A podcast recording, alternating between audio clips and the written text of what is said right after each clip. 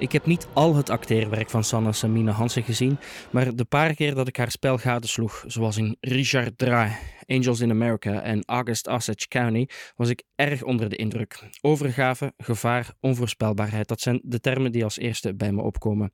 Ik hoop dat ik haar heel snel weer aan het werk zie.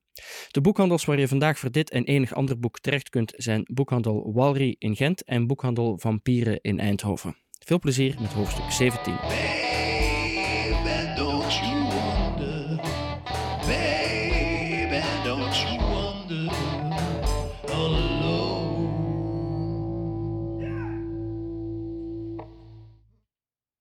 Periode waarin ik zag hoe Amy de kloof tussen zichzelf en de wereld probeerde te dichten, gebeurde bij mij het tegenovergestelde.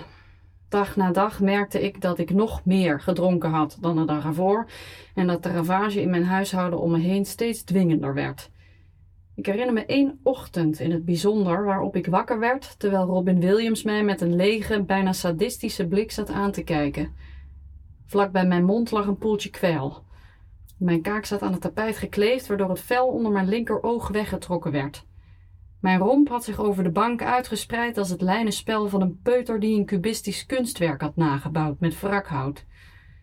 Toen ik wakker werd, zag ik teleurstelling in de ogen van mijn kat, alsof hij al die tijd had zitten wachten tot ik onder mijn eigen gewicht bedolven werd. Wat al die lamlendigheid niet verhielp, is het feit dat Amy ongeveer een week of drie nadat ze weer in mijn leven was verschenen, allerhande social media accounts opende. Het begon bij LinkedIn, waar ik leerde dat Amy minstens twee keer zoveel diploma's en certificaten had dan ik voor mogelijk had gehouden. Niet lang nadat ze dat profiel had ingevuld, zag ik haar kerstverse profielfoto ook op Facebook en Instagram verschijnen.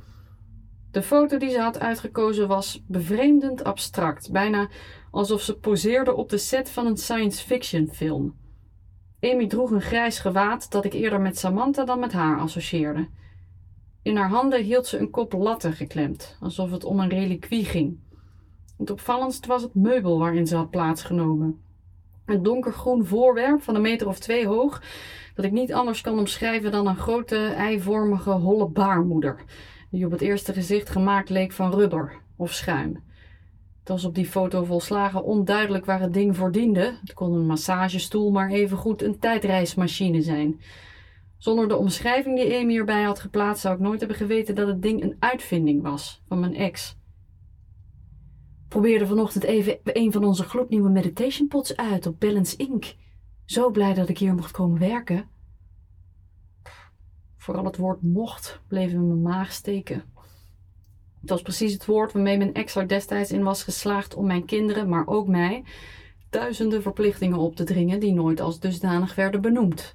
Amy mocht op judo. Ze mocht die extra cursus programmeren volgen. Ze mocht studeren, excelleren en presteren. En wanneer ze voor een keer geen zin had in een van die vele aanhoudend motiverende, inspirerende en vaak ook ronduit leuke kansen die ze van haar moeder kreeg, dan mocht ze in haar slaapkamer nadenken over wat ze dan wel met haar leven wilde. Want daar iets van maken, er het allerbeste uithalen, dat wilde ze toch zelf ook wel. Diezelfde week nog vertelde Amy mij het nieuws opnieuw in levende lijven. In The Reign of Mokka, waartegen ik steeds meer een aversie begon te ontwikkelen. Ze droeg die middag opnieuw nieuwe kleren die op het eerste gezicht totaal niet bij haar leken te passen. Namelijk een wit shirt met een donkerblauw zakelijk vest. Rond haar arm, haar linkerarm, zat een kettingje. Wat zo mogelijk nog gekker was, want zover ik me kon herinneren heb ik Amy nog nooit in haar leven sieraden zien dragen. Ik heb altijd gedacht dat jij een bloedhekel had in dat bedrijf van hen. Huh, zei ze met een raadselachtige blik. Daarna dronk ze tergend langzaam een slokje van haar gemberthee. Jij gebruikt die app toch ook? Hoe weet je dat? Dat gok ik. Nou ja, soms. Ik heb natuurlijk wel eens. Volgens mij luister jij gewoon graag naar de stem van mama. En is dat wat voor jou zo rustgevend is? Huh? Je haat haar omdat je haar lief hebt. Omdat je haar mist. Omdat je eigenlijk precies zo wil zijn als zij. Daar komen jouw verzet en jouw woede vandaan. Jij voelt je mislukt omdat je niet zo bent als zij. Mijn angst en jouw depressie, dat zijn geen vormen van verzet, ook al heb ik dat jaren gedacht en denk jij nu nog steeds. Wel, het is onzin. Er zit geen kracht in onze afwijzing van de mensen om ons heen. Voor het eerst in de geschiedenis van de wereld is het de samenleving gelukt om een ideaal te creëren dat, zelfs wanneer je het met man en macht probeert af te wijzen, nog steeds onder je huid kruipt. Een ideaal waarmee je mensen niet hoeft te onderdrukken, omdat ze zichzelf ermee in de pas houden. Een ideaal dat amper ontsnappingskansen biedt, omdat je het jezelf oplegt. De leidraad voor elk leven is voortaan je eigen persoonlijke succes. Lukt het je niet om daaraan te beantwoorden, dan krijg je dat honderdduizend keer per dag te horen van een nare bestraffende stem in je hoofd. Je kunt het cynisch noemen, Louis, en het, het doet mij ook oprecht pijn, maar ik heb verloren. Ik kan niet anders dan meedoen. Ik kan niet anders dan net als iedereen een poging ondernemen om iemand te zijn. Op bepaalde momenten had ik bijna het gevoel dat Amy carrière maakte in haar eigen genezen en dat ze bepaalde oefeningen en therapieën alleen maar afvinkte om die op haar mentale en of digitale cv te kunnen zetten. Toen ik Amy vroeg wat voor werk ze dan precies deed, legde ze me uit dat ze, hoewel er eigenlijk helemaal geen vacatures waren, van haar moeder uit alle 15 soorten werk had mogen kiezen. Ze was begonnen bij de afdeling Customer Support. Dat was makkelijk zat, zo zei ze. Je hoeft alleen maar e-mails en berichtjes op Twitter en Facebook te beantwoorden. Het gaat allemaal via een centraal programma en veel van de antwoorden zijn geautomatiseerd. Het is een goede manier om erin te komen, om mijn bedrijf en de collega's te leren kennen. En als ik een dagje niet kan, dan is dat ook geen probleem. En binnenkort, als ik wat meer ruimte vrij heb in mijn hoofd, dan gaat mama me voordragen voor een PhD op haar universiteit dat ze zich daar mentaal al enigszins op voorbereiden, merkte ik doordat Amy bijna iedere dag een of andere wetenschappelijke paper postte die te maken had met mindfulness, neurowetenschappen en toegepaste psychologie. Ze plaatste YouTube-video's van een Amerikaanse intellectueel en schrijver die in het Californische boeddhisme van Samantha, wier naam hij een paar keer noemde, een oplossing zag voor de identitaire en godsdienstige vlagen van geweld, die de ontwikkeling van de mens al eeuwen parten speelden. Op den duur begon ze ook iedere dag de door Samantha zelf ingesproken ochtendmeditatiesessies te posten. Vaker wel dan niet gevolgd door de samenvatting van een of andere wetenschappelijke verhandeling over de effecten van die sessies op het brein. Eén keer beging ik de fout om een van die vele neuropsychologische papers te lezen en bekwaamde ik mij, net als mijn dochter, in een fenomeen dat competitive memory training heette. Een techniek waarmee je je verhouding ten opzichte van je eigen herinneringen kunt objectiveren. Want ja, wat bleek, mensen met depressieve klachten denken vaker terug aan de negatieve dingen in hun leven dan aan de positieve. En dat zou een vertekening van de realiteit opleveren. Dat idee kwam vaker terug in de papers die mijn dochter postte. Het idee dat mensen die geestelijk niet in balans zijn, simpelweg verkeerd naar zichzelf en hun omgeving kijken. En dat ze geholpen moeten worden om hun overtuigingen en aannames te corrigeren. En wat als mijn zelfhaat gestoeld is op ware argumenten? Vroeg ik haar een keer. Ik ben al jaren vereenzaamd. De laatste vrouw die bij mij in de buurt wilde komen, deed dat omdat ik op haar vader leek. Je moeder hield alleen maar van me uit medelijden. Ik heb drie of vier verslavingen. En ik wilde heel graag een succesvolle komiek worden, wat ik niet ben. En niet alleen omdat ik zelf denk dat ik dat niet ben, maar omdat het volgens duizenden en duizenden mensen zo is. Ik ben een slechte vader, een belabberde komiek en een meelijwekkende echtgenoot. De spijt daarover die letterlijk als zwaarte in mijn lijf zit. Ik bedoel, kom op Amy, geef me een cursus, een invuloefening, een zelfhulpboek of, of een online cursus die mij ervan overtuigt dat die spijt niet waar is. Ja, precies, zei ze, per ongeluk erg enthousiast knikkend om al mijn uitspraken. Ze legde uit dat precies dit de reden was waarom Samantha en haar vele vakgenoten voor zo'n revolutie in de geestelijke gezondheidszorg hadden gezorgd. De meeste therapeuten werken op dit moment aan de hand van methoden waarmee cliënten leren dat de dingen die ze in het diepst van hun wezen over zichzelf denken dysfunctioneel zijn en daarom moeten worden omgebogen. Op zich werkt dat. En er zijn studies die uitwijzen dat er met name op de korte termijn positieve resultaten geboekt worden. Maar aan de andere kant is deze techniek nog steeds niet zaligmakend. En daarom was er nu de nieuwe methode, de mentale oefening die Samantha propageerde, die het idee uitdroeg dat zelfhaat uiteindelijk alleen maar bestond als mentale gebeurtenis en dat we de afstand tussen onszelf en die gebeurtenis een tikje groter kunnen leren maken. Gedachten zoals Je bent echt de meest walgelijke persoon op aarde.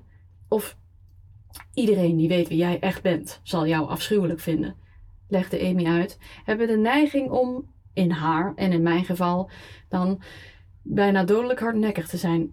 Het is een beetje als het gevecht aangaan met een Godzilla die zich in je brein verschuilt. In plaats van dat gevecht proberen te winnen, kun je het beter naast je neerleggen en je aandacht.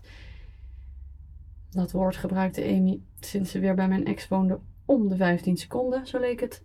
Verleggen naar je ademhaling. Of uiteindelijk, als het goed gaat, naar de wereld buiten jezelf. Want ja, eigenlijk is het zo simpel. Ik heb een ziekte, zei Amy die ervoor zorgt dat de dingen die er binnen in mij gebeuren belangrijker worden dan de dingen die buiten mij gebeuren. En dat kun je omdraaien door je meta-bewustzijn te cultiveren. Als je je bewust bent van wat er in je hoofd gebeurt, dan kun je het ook gewoon laten bestaan. Voor een volle seconde werd ik mij na die paar zinnen bewust van mijn eigen metabewuste binnenwereld. Meer dan die tel had ik niet nodig om te beseffen dat er in mijn inwendige wereld alleen maar geestelijke horror en lichamelijk ongemak te vinden was. En je broer? vroeg ik. Wat hij vroeger met je gedaan heeft, hebben die therapeuten en goeroes het daar ook over? Bleef een hele tijd stil. Haar ogen bleven aan de mijne gekleefd, maar zonder dat ik het gevoel had dat ze me echt aankeek.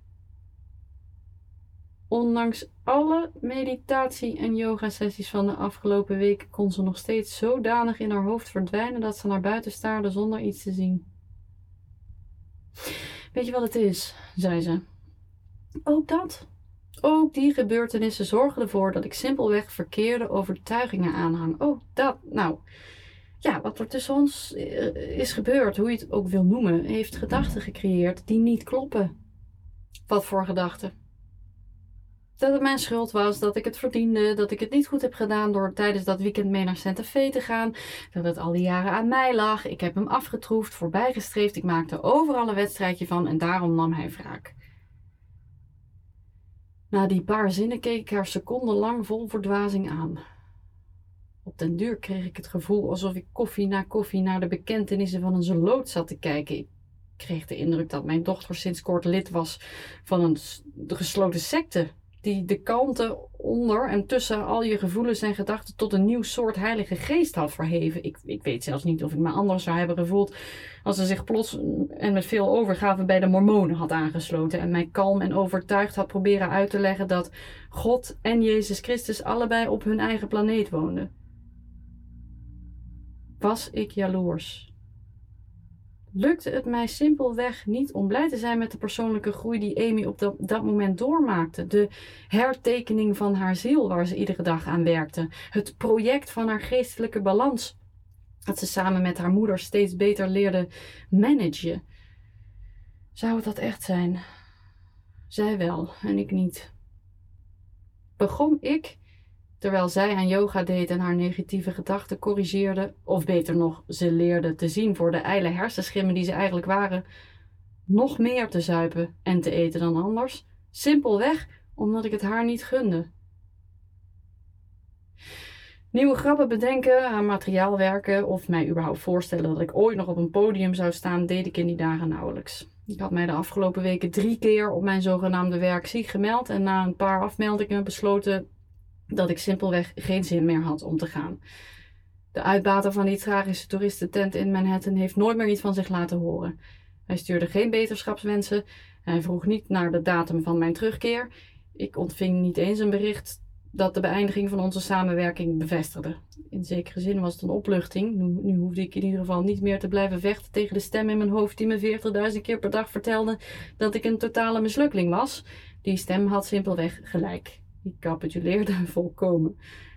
En de eerste aan wie ik dat wilde laten weten was natuurlijk mijn ex. Ik belde haar op om drie uur s'nachts. Oké, ik verlies. Samantha, ik verlies. Jij hebt gewonnen en je moet me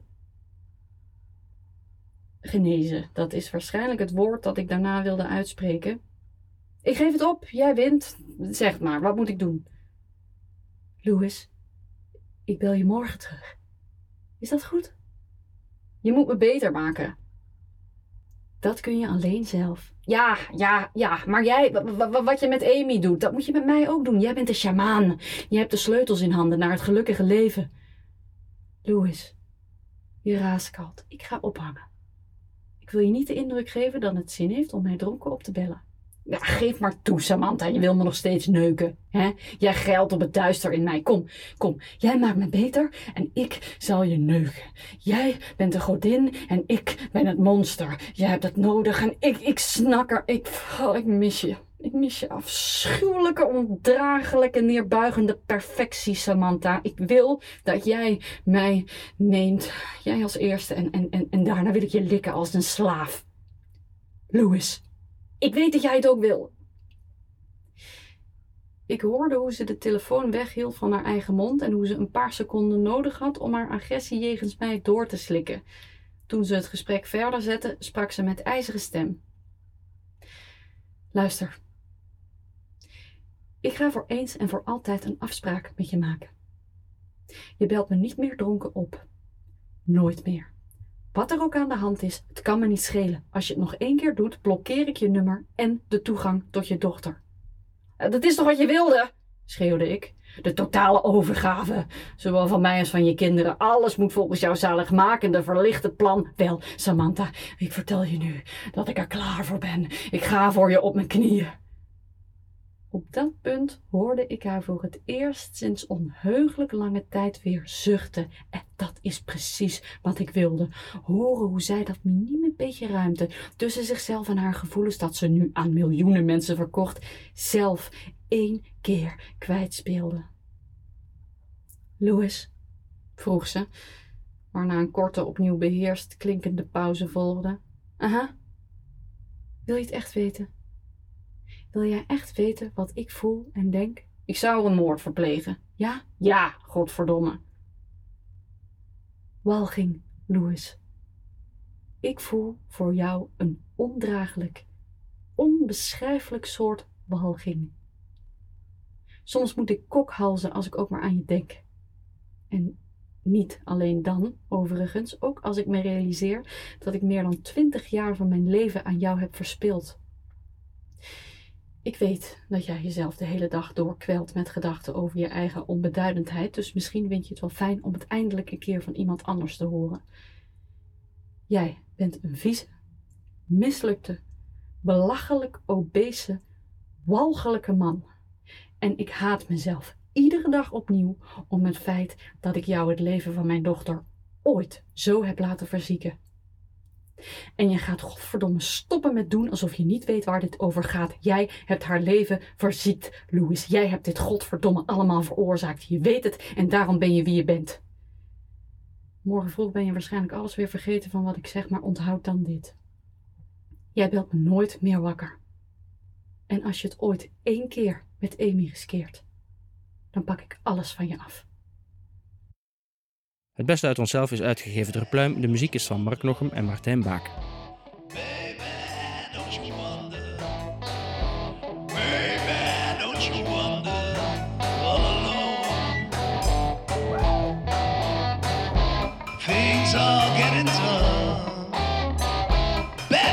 supposedly won. Desires the money you made. Try to avoid